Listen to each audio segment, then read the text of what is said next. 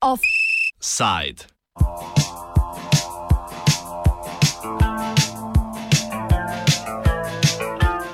Trpeli so naši gozdoji.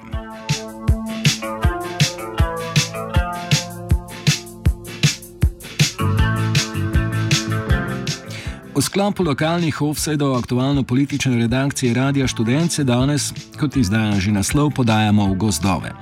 Pa ne v partizane, temveč k koreninam, podlubje, k podlubnikom oziroma lubadarjem, ki so v nekaterih delih Slovenije močno spremenili podobo pokrajine.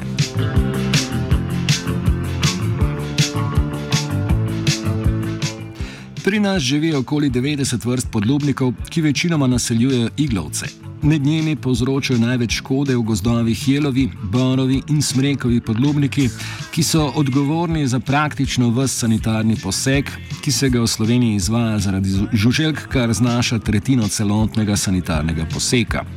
Posvetili se bomo predvsem smrekovim podlubnikom, saj drevijo daleč največ poškodb povzročata šesterozobi in osmerozobi lubadar. Slednji nosi latinsko ime Ips typografus, v pogovornem jeziku pa sta znana kot mali in veliki smrekov lubadar.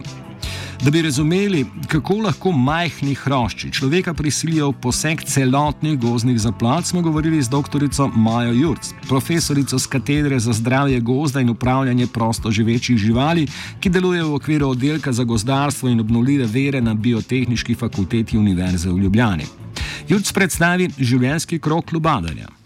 Odrasli osebki se pri nas pojavijo takrat, ko je temperatura v sestoju tri dni večja od 17 stopinj Celzija. Se pravi, to je v nižinah je to prej, recimo tam nekako konc marca, eh, začetek aprila, v višjih nadmorskih legah je malo pozneje. Vidimo pravzaprav, da, da ta biologija, bionomija prav ipstipografus je zelo, zelo zapletena, ker takrat, ko uh, prihajajo um, odrasli osebki na to drevo, kjer se začnejo prehranjevati, uh, takrat uh, oddajajo uh, atraktante, ki povejo, prite tu, drugim osebkom iz iste, iste vrste, prite, tukaj je hrana. Takrat, ko je drevo zasedeno in recimo Nemci so ugotovili, da zasedeno drevo pomeni 200 adultov ali odraslih osebkov na kvadratni meter skorje smreke, takrat začnejo dajati repelente. Značilnost lubadarja je, da se pojavlja v gradacijah oziroma namnožitvah. Do namnožitev v velikem številu, torej prenamnožitev, prihaja najpogosteje po naravnih ujmah. V tem tisočletju smo pri nas prenamnožitev obeležili v letih 2005 in 2016, torej dve leti po hudi suši ter po žledolomu, ki mu je kasneje sledilo še več vetrolomov. Poleg klimatskih sprememb pa na raznožitev lubadarja, ne samo pri nas, ampak tudi drugod po svetu, ugodno vplivajo tudi otoplitve. Če gledamo, kakšna situacija je recimo v teh drugih državah. Eh, v Skandinaviji imajo eno generacijo letno, ne? v Turčiji imajo tri, štiri. Pet generacij letno zaradi uh, višjih temperatur.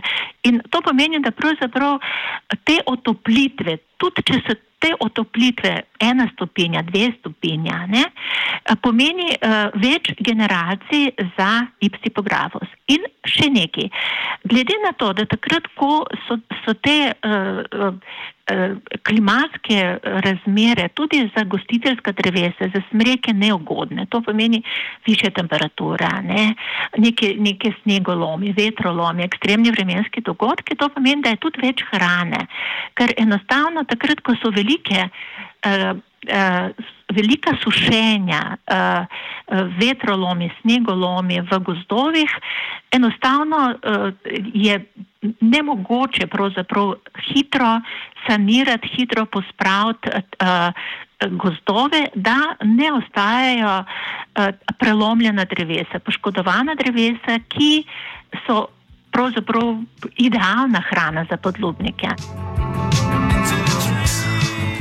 Kot pojasnjuje Damjan Oražem, direktor Zavoda za gozdove Slovenije, krajše ZGS, je pri preprečevanju širjenja lubadarjev pomembno njihove zgodnje odkrivanje in hitro ukrepanje.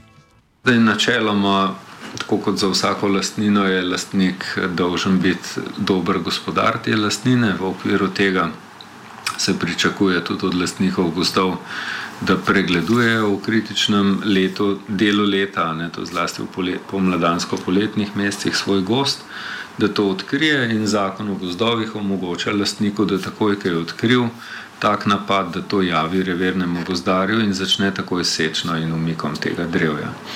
Uh, V praksi se pa dogaja uh, druga zadeva, da javna gozdarska služba, katero več ali manj jo tvorimo v Zavodu za gozdove Slovenije, uh, mi s svojimi revernimi gozdarji odkrijemo več kot 80 odstotkov teh napadov, tako z državnih, zasebnih, občinskih, se pravi v vseh lastništvih. Obvestimo lastnika, označimo drevje, izdamo odločbo in uh, potem spremljamo izvajanje te odločbe. Od hitrosti ukrepanja je odvisna tudi kakovost lesa in njegova nadaljna predelava. Zato se lasnikom gozdov pri odstranjevanju bolnih dreves splača pomujati. Stimuliranje na nek način s svojo lastno hitrostjo ali pa iznajdljivostjo, če se ta les v prvi fazi napada odkrije, poseka in proda, je še brez vidnih sprememb, sicer kasneje, ker te lobadari sabo nosijo neke gljive modrivke, eh, ki povzročajo obarvanost lesa, tisti les je pa takoj 30-40% manj vreden. Uh, in s tem so tudi stimulirani, da to čim prej naredijo, da cena lesa jim ne pade. Ta les gre, če je v prvi fazi napada, gre enako kot zdrav les smrekovine, ne se pravi v vse proizvode od rezanega lesa do, do celuloze in tako naprej.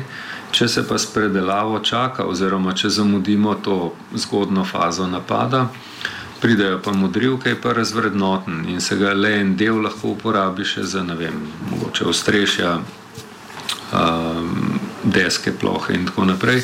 Večji del pa konča v tistih uh, izdelkih, ki so manj vredni in s tem lastnik tudi v bistvu bistveno manj iztrži. V letu 2019 so v Sloveniji zaradi škodljivih žuželk primarno lubadarja posekali za 1,34 milijona kubičnih metrov lesa, večinoma smrekovega, največ na goz, gozno-gospodarskih območjih Bleda, Kočevja in Slovengradca. Ta območja ostaja žarišče lubadarja, vendar se njegova gradacija umirja in prehaja v latentno fazo. V letošnjem letu so tako v sklopu sanitarne sečnje zaradi Ljubadere do 5. augusta posekali 440 tisoč kubičnih metrov lesa. Ko temu dodamo še ostalo sanitarno sečnjo, dobimo številke, približno 6 milijonov kubičnih metrov, ki jih domača lesna industrija ne zmore obvladovati. Zakaj je temu tako in kaj se zgodi s presežki slovenskega lesa? Splošna želja je, da vso lesno surovino, ki jo pridelamo v Sloveniji, bi tudi tukaj predelali. Mislim, ki jo pridelamo, da bi jo tudi predelali v lesne izdelke. A, ampak znano je, da po osamosvojitvi je lesna industrija v Sloveniji precej propadla zaradi razpada južnih trgov in tako naprej. In iz tega razloga je iz 40 tisoč zaposlenih padla zaposlenost v lesni industriji na dobrih 10 tisoč številke se v zadnjih letih izboljšujejo in kapaciteta domače lesne industrije je recimo 2 milijona kubičnih metrov največ, ne, ali pa milijon pa pol. Uh, To je to, kar zmore predelati lesna industrija Slovenije. Potem je še tukaj nekaj energetskega lesa in les za porabo doma. Če vse skupaj to seštejemo, se zmožnost porabe doma giba tam nekje med 3 in 3,5 milijoni kubikov. Je pa dejstvo, da sečno, ki jo pa moramo izvajati v Sloveniji in smo jo zaradi ujem in podobnih razlogov, je bilo pa 6 milijonov kubikov. Torej nek višek nastaja na trgu.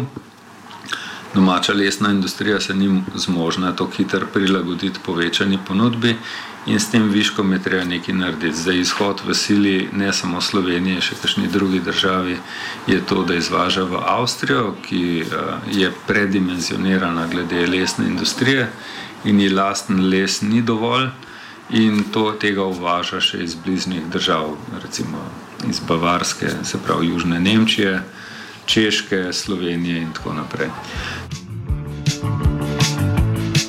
Izvoz slovenskega lesa je sicer potekal že pred žledolomom, vendar se je razmerje po letu 2014 pomembno spremenilo ne le zaradi lastnih presežkov, temveč tudi zaradi razmer na mednarodnem trgu.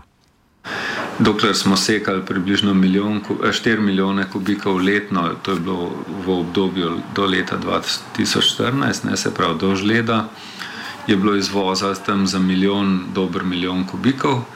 Zdaj, ko so se pa pojavljali še večji viški eh, na trgu lesa, so pa te številke šle 2 do 3 milijone uh, gor. Tako da ta trenutek izvažamo pretežno ta les, je pa problem tudi v izvozu v Avstrijo.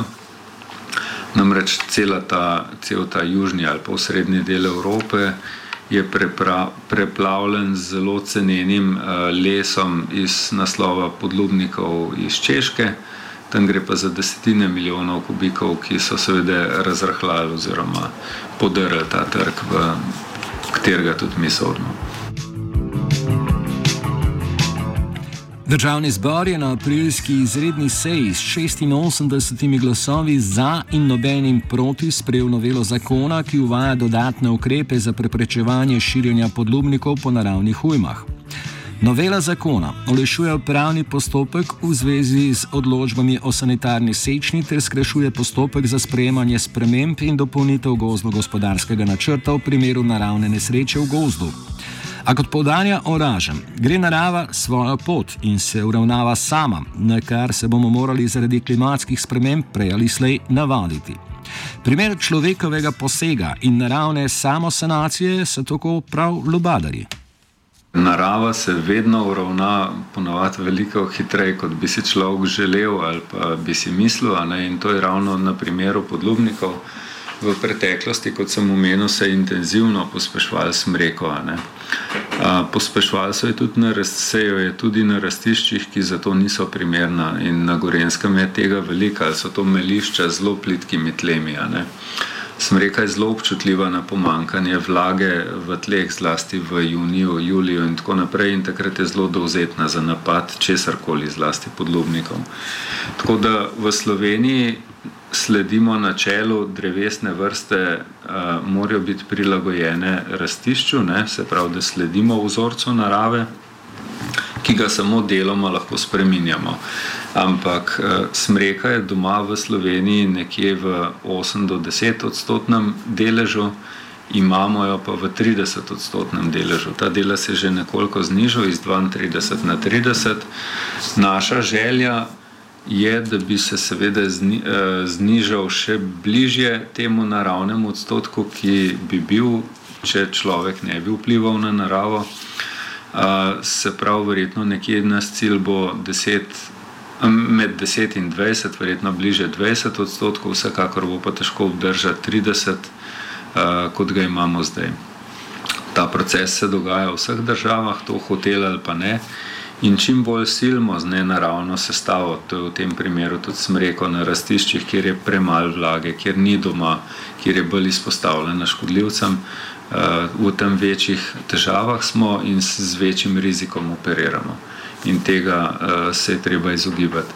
Izogibati se pa treba temu zlasti v primeru klimatskih sprememb, ki kažejo še slabše scenarije za smreko, tako da verjetno tudi 20 odstotkov ne bo več kmalo realen cilj, ampak bomo govorili še o kakšnem manjšem deležu in pa večjem deležu tistih rastlin, drevesne ki so prilagojena na bolj sušna, na bolj vroča poletja, na bolj orkanske razmere in tako naprej. Skratka, na nek gost, ki danes v bistvu ni e, zelo pogost v Sloveniji.